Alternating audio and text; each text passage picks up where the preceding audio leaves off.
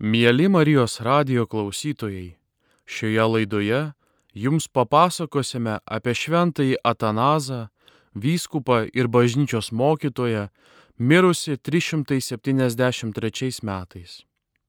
Į bažnyčios istoriją šis ganytojas įėjo kaip krikščionybės gynėjas, kovotojas prieš arionizmą. Arionizmo skleidėjai kilo nuo Arijaus, neigė Kristaus dieviškąją kilmę.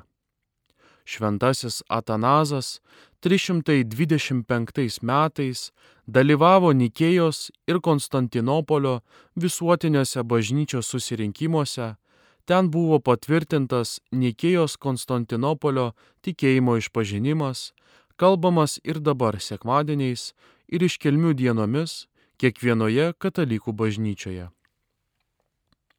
Gyvenimas ir veikla. Šventasis Atanazas didysis, šis darybių sekėjas ir pamaldžios gyvensenos vyras, gimė apie 298 metus garsioje Egipto sostinėje Aleksandrijoje. Jo tėvai buvo krikščionis, pamaldus ir dori žmonės. Net ir Atanazo paauglystės laikais kai kas numatė jo būsimą didžiulę hierarchinę veiklą. Kartą Atanazas žaidė su bendramžiais pajūryje. Vaikai mėgdžiojo tai, ką matė bažnyčioje, savo žaidimu vaizdavo Dievo dvasininkus ir bažnytinės apeigas. Jie pasirinko Atanazijų savo vyskupų, vienus jų vadino ir presbiteriais, kitus diakonais. Pastarieji atvedė pas jį kitus pagoniškus vaikus, kurie dar nebuvo pakrikštyti. Atanazas pakrikštijo juos jūros vandeniu, tardamas šventojo krikšto sakramentui nustatytus žodžius, kaip kadaise išgirdo iš kunigo bažnyčioje. Prie to jis pridėjo mokymą pagal savo vaikišką supratimą. Tuo pat metu šventasis Aleksandras buvo Aleksandrijos patriarchas. Atsitiktinai pro savo namo esančio aukštesnėje vietoje netoli jūros, langą pažvelgęs į pajūrį ir pamatęs vaikišką žaidimą, jis su nuostaba sekė Atanazo atliekamas krikštynas. Jis to jau įsakė visus vaikus atvesti pas jį. Išsamei apklausinėdamas vaikus, patriarchas bandė tiksliai išsiaiškinti, ką jie krikštijo, kaip jų buvo klausima prie krikštą ir kaip jie atsakė ir išsiaiškino, kad savo žaidime jie viską darė pagal bažnyčios tvarką. Po to, pasitarę su dvasininkais, Atanazo atliktą pagonių vaikų krikštą pripažino tikru ir užbaigė krikšto apieigų papildymu. Tada pasikvietė vaikų tėvus, kurie ėjo pas presbiterius ir patarė, kaip juos auklėti. Pašaukė Atanazo tėvus. Šventasis Aleksandras nurodė ugdyti jį pamaldumo ir knygų skaitimo dvasioje, stropiai mokyti, o paskui sūnui sulaukus pilnametystės atvesti pas jį ir pašvesti Dievui bei šventai bažnyčiai. Kai Atanazas buvo pakankamai studijavęs, mokslus ir įgyjęs platų išsilavinimą, tėvai atvedė jį pašventą į patriarchą Aleksandrą ir kaip kadaise Ona Samuelį pavedė kaip dovana Dievui. Netrukus po to patriarchas Atanazai išventino diakonų Aleksandrijos bažnyčioje. Jau nuo pat jaunystės jis drąsiai kovojo su eretikais ir ką nuo jų kentėjo, visko išvardinti neįmanoma, bet neįmanoma tylėti apie kai kuriuos nuostabiausius jo darbus ir polgius. Tuo metu piktasis Arijus skleidė savo beprotišką ereziją ir sukrėtė visą bažnyčią savo pragaištingų mokymų. Nuo 328 metų ėjo Aleksandrijos bažnyčios diakono, o vėliau vyskupo pareigas. Jis buvo vienas iš atkakliausių kovotojų už Nikėjos susirenkime skelbiamą krikščionių tikėjimą. Drasus skelbimas ir liūdėjimas vėliau tapo pagrindiniu jį priskirti bažnyčios tėvų būriui. Šventasis Atanazas gimė krikščionių šeimoje ir gavo gana kuklų bendrai išsilavinimą daugiausiai dėmesio skiria šventojo rašto studijoms, pasaulietinių mokslų studijoms, bendrajam lavinimui, jis kalbant šventajam Grigaliaus teologų pasakojimui naudojo nedaug laiko. Tačiau jis buvo gerai susipažinęs su senovės filosofija ir svarbiausia su neoplatonizmu. Atanazo krikščionių mentorius buvo Aleksandrijos vyskupas Aleksandras, kuris paskyrė jį savo sekretoriumi ir išventino diakonu. Būtent šiomis pareigomis šventasis Atanazas dalyvavo Nikėjos susirinkime 325 metais kuriame iškart patraukė dėmesį savo nepermaldaujamą poziciją prieš arionizmą. Jis drąsiai pakilo prieš arionų nedorybę. Praėjus metams po Nikėjos santarybos Aleksandras mirė, o Atanazas tapo jo įpėdiniu. Matyti mokytojo nurodymų ir vienbalsiai remiant kaimenę. Ir visa daugybė gyventojų, visi priklausantis katalikų bažnyčiai, susibūrė ir vieningai, tarsi viename kūne šaukia. Šaukia reikalaudami, kad Atanazas taptų bažnyčios vyskupu ir viešai meldėsi už šį Kristų už daugelį. Dienų ir daug naktų.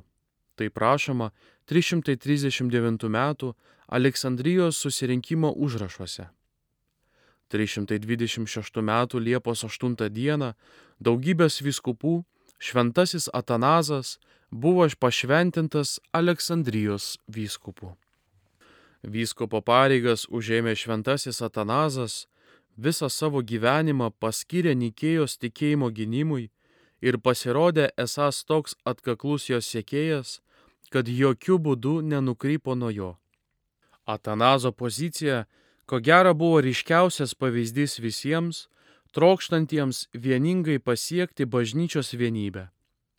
Šventasis Atanazas buvo penkis kartus pašalintas iš savo pareigų, imperatorių ir trečdalį savo viskupystės laiko praleido toli nuo savo viskupijos - daugiau nei 15 metų iš 47.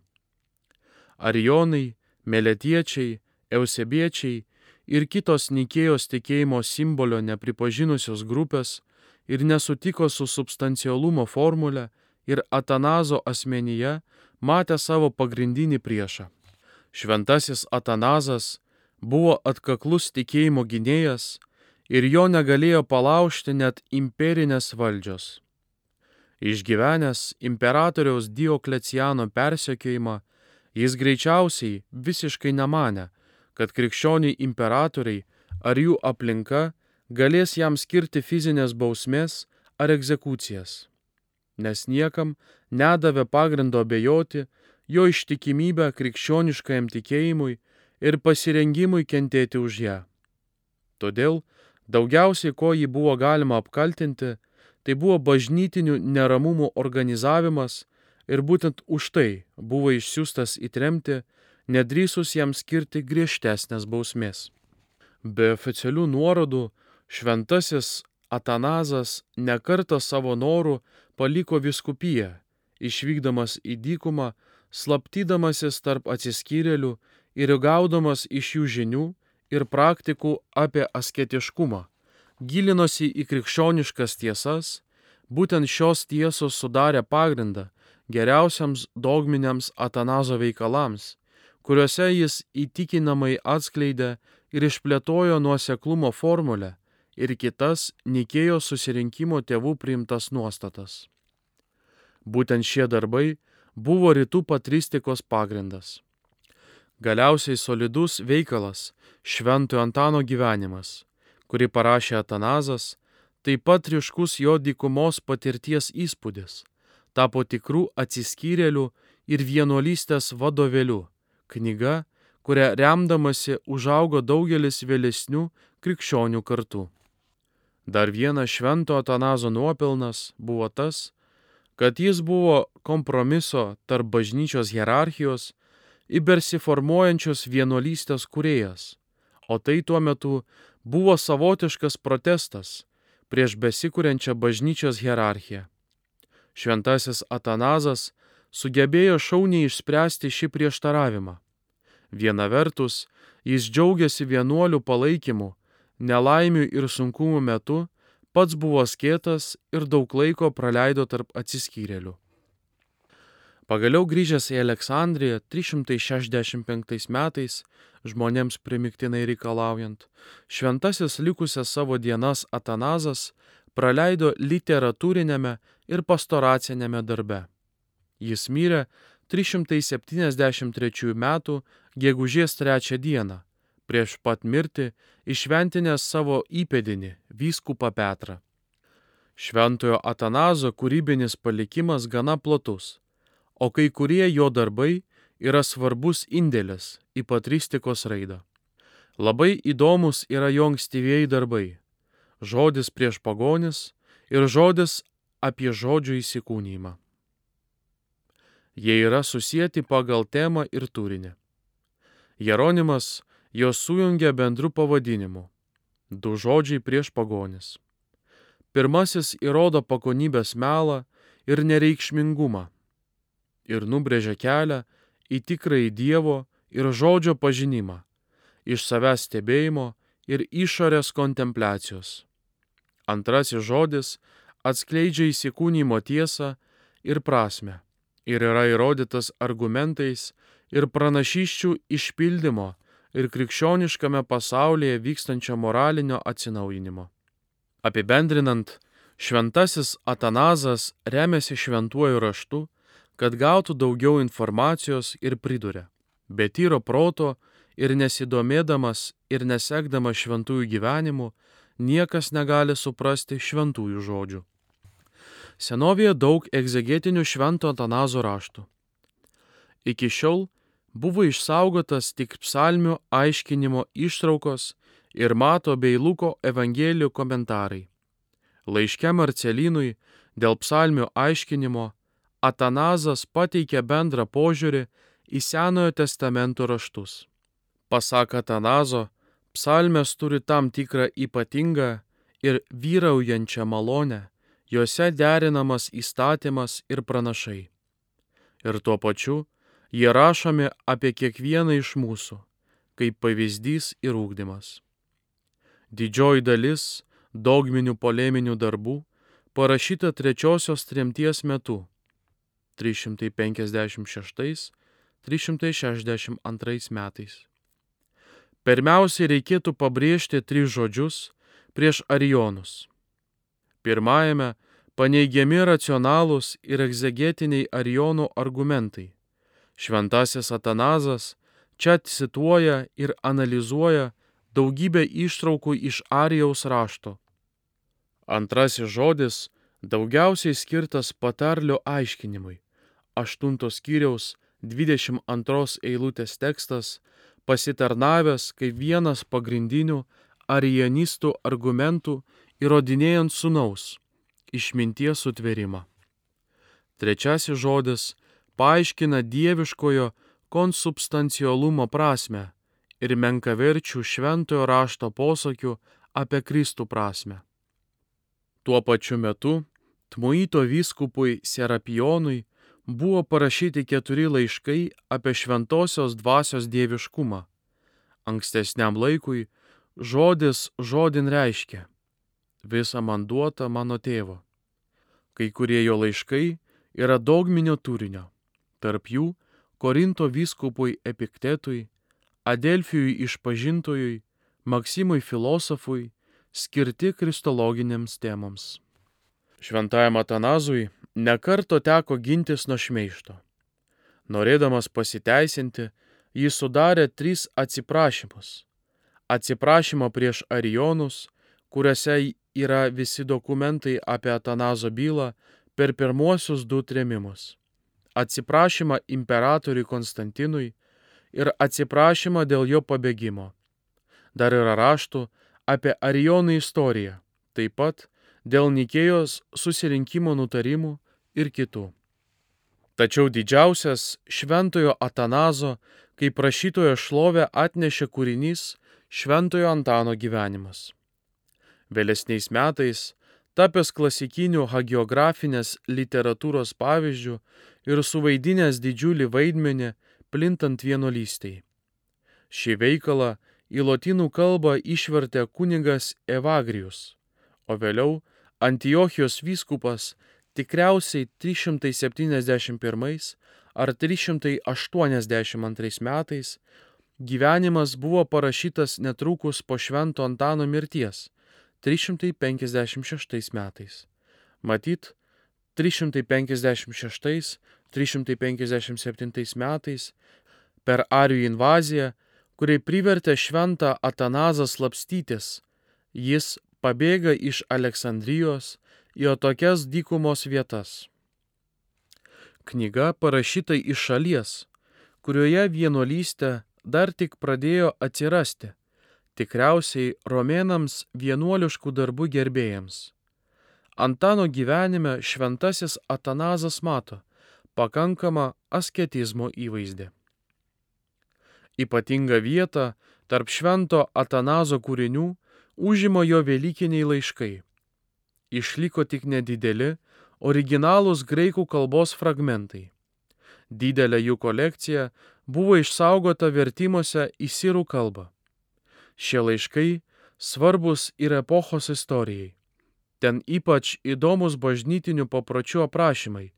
39 laiško ištraukoje yra kanoninių šventojo rašto knygų sąrašas ir prie jų pridedamas sąrašas knygų, kurios nebuvo įtrauktos į kanoną, bet tėvų patvirtintos skaityti katechumenams. Čia pirmą kartą išvardėjamos visos 27 Naujojo testamento knygos. Tarp visų šventojo Atanazo raštų yra jo doktrina apie pasaulio sukūrimą. Jo mokymo esmė yra skirtumas tarp dieviškosios prigimties ir dieviškosios valios. Iš prigimties Dievas yra tėvas, jis pagimdo sūnų ir siunčia šventąją dvasę. Tačiau pasaulio sukūrimas vyksta ne iš prigimties, o pagal Dievo valią. Taigi Dievui nebuvo būtina sukurti pasaulį, jis galėtų susitvarkyti ir be jo. Tai yra skirtumas tarp prigimties ir valios. Dievas negalėjo nepagimdyti sunaus, nes jis iš prigimties yra tėvas. Jis neturėjo sukurti pasaulio, bet jis jį sukūrė. Tokia yra jo dieviška ir visapusiška valia. Galima įsivaizduoti, bent jau teoriškai, potencialia prasme, kad buvo laikas, kai Dievas nekūrė, o pasaulis neegzistavo. Kalbėdamas apie nuopolį ir nuodėmę ir po jos sekusią mirtį, šventasis Atanazas vartojo korupcijos terminą, kuris supranta ir fizinę, ir dvasinę prasme. Šventasis Atanazas, kaip ir visi bažnyčios tėvai, tiki, kad mirtis ir įrimas nebuvo Dievo sukurti, o atėjo į pasaulį dėl nuopolio. Dievas sukūrė viską, kas yra gera, bet apdovanotas laisva valia ir galinčia maištauti prieš jį. Maišto rezultatas buvo mirtis, galinga kosminė tikrovė, kuri užgrobė valdžią ir tikrai karaliavo šiame pasaulyje. Išganimas, pasaka Tanazo, yra ne tik žmonių nuodėmių atleidimas, bet ir pasaulio išlaisvinimas iš mirties ir sugėdimo. Išgelbėti pasaulį šventajam Atanazui nėra spekulacinė problema, kaip Oregenui, o gyvybės ir mirties klausimas. Sukurtas pasaulis yra tikras, gyvas ir todėl brangus Dievo akise. Mirtis yra toks galingas priešas, kad ją galima nugalėti tik iš vidaus, tik savo ginklu mirtimi ir be to paties įsikūnijusio Dievo mirtimi. Dėl to vyksta įsikūnymas, kurio dėka įveikiama mirties gale, sunaikinama korupcija. Skerdingai nuo neoplatonistų, kurie išganimą suprato kaip Dievo vizijos pasiekimą, šventasis Atanazas kalba apie sudėvinimą, tai yra nepaperkamos būsenos pasiekimą. Sudėvinimas įmanomas tik įsikūnijos Dievo žodžiui, kuris įgavo kūną, kad galėtume tapti dvasios nešėjais.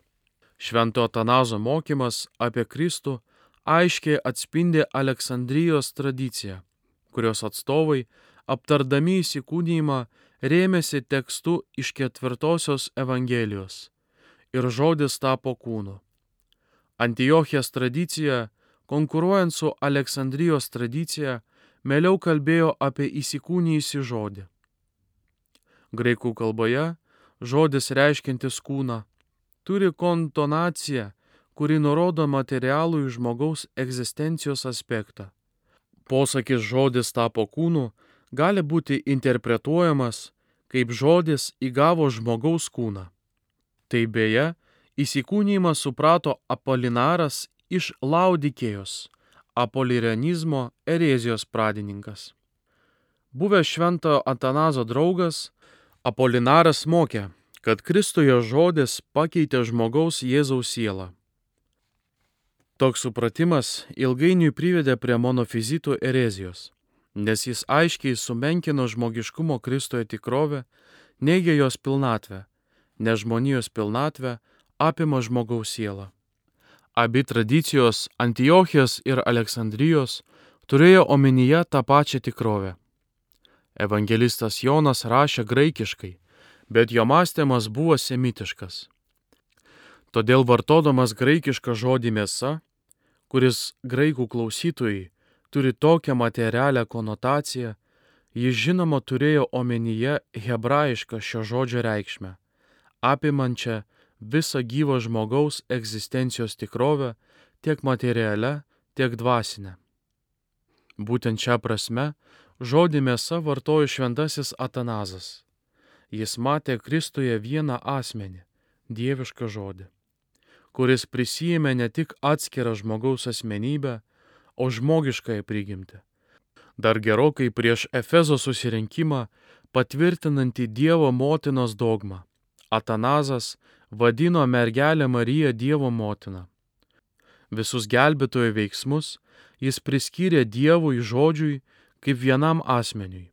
Tačiau tvirtindamas Kristaus kaip įsikūnijusio žodžio vienybę, Atanazas, kaip ir visi aleksandriečiai, ne visada jautė, kad jo terminyje atveria galimybę sumenkinti žmogiškąją išganytojo prigimtį, pavojaus, kurio Apolinaras neišvengė. Pagrindinis šventojo Atanazo nuopelnas - tai jo kova su arionizmu. Rytų bažnyčioje Jis vienas prieš visus drąsiai gynė Nikėjo susirinkimo tikėjimo išpažinimą, skelbianti konsubstancialų, tai yra vienos dieviškos prigimties, vienos esmės tėvą ir sūnų. Kaip aptarta aukščiau, šis nebiblinis terminas turėjo prastą reputaciją ir buvo pasmerktas Antiochijos susirinkime trečiajame amžiuje kaip modalistinės erezijos išraiška Jei esmė viena, tai nėra jokio realaus skirtumo tarp šventosios trejybės asmenų - tėvas, sunus ir šventoji dvasia, tik skirtingos tos pačios esybės išraiškos būdai. Atanazas nesigilino į teologinės subtilybės. Kovodamas su arionizmu dėl substancialumo, jis gynė pačią esmę. Kristaus įsikūnymas mirtis ir prisikėlimas atnešė pasauliui išgelbėjimą. Neigdamas substancialų Kristų ir tėvą, arionizmas grasino sugriauti pačią krikščioniškojo tikėjimo esmę ir pamatą. Žmonijai reikia išganimo, bet išganimas galimas tik iš Dievo. Todėl Kristus yra ir žmogus, ir Dievas, kitaip nesame išgelbėti. Šventasis Atanazas tvirtai žinojo, kad stačiatikių tikėjimo grinumą galima išsaugoti tik išlaikant įsminius tikėjimo teiginius. Jam nebuvo gėda, kad už tai turėjo įvesti neįprastą žodį, kurio nemėgau dauguma teologų. Jis mane, kad bet kokie filosofiniai samprotavimai apie tikrąją šio žodžio reikšmę yra nereikalingi ir net pavojingi. Šventasis Atanazas rašė, nebeturėtume bandyti išsiaiškinti, Kodėl Dievo žodis netoks kaip mūsų? Nes kaip jau buvo sakyta, Dievas netoks kaip mes. Kas ryštasi tokiems tyrimams, yra pamišęs, nes nori žodžiais aiškinti tai, kas neapsakomai būdinga Dievo prigimčiai ir žinoma tik Dievui ir jo sūnui. Tai tas pats, kas ieškoti, kur yra Dievas, kodėl jis Dievas ir kas yra tėvas. Bet kaip ir bedieviška ir nepažįstantiems Dievo būdinga siūlyti tokius klausimus. Todėl neleistina eiti į tokius Dievo sunaus gimimo tyrimus. Dievą ir jo išminti matuoti pagal savo prigimti ir savo silpnumą. Neįsivaizduok to priešingai nei tiesa. Ir jei kas nors per šios tyrimus susimasto, tegul netiki net tuo, kas parašyta. Geriau tiems, kurie suglūmė tyli ir tiki, nei netiki dėl sumišimo. Tai švento Atanazo veikalo prieš Arionus ištrauka. Atanazas savo laiškuose Sarapionui kalba apie šventąją dvasę. Jo samprotavimai vadovaujasi tą pačią logiką, kaip ir jo mokymas apie Kristų. Yra vienas Dievas, substancialioji trejybė - tėvas, sunus ir dvasia. Kaip ir sunus šventoji dvasia, taip pat yra Dievas. Kitaip nesame išgelbėti. Per šventąją dvasę žmogus bendrauja su Dievu. Tuo pačiu metu dvasia priklauso sūnui, būdama jo sava dvasia.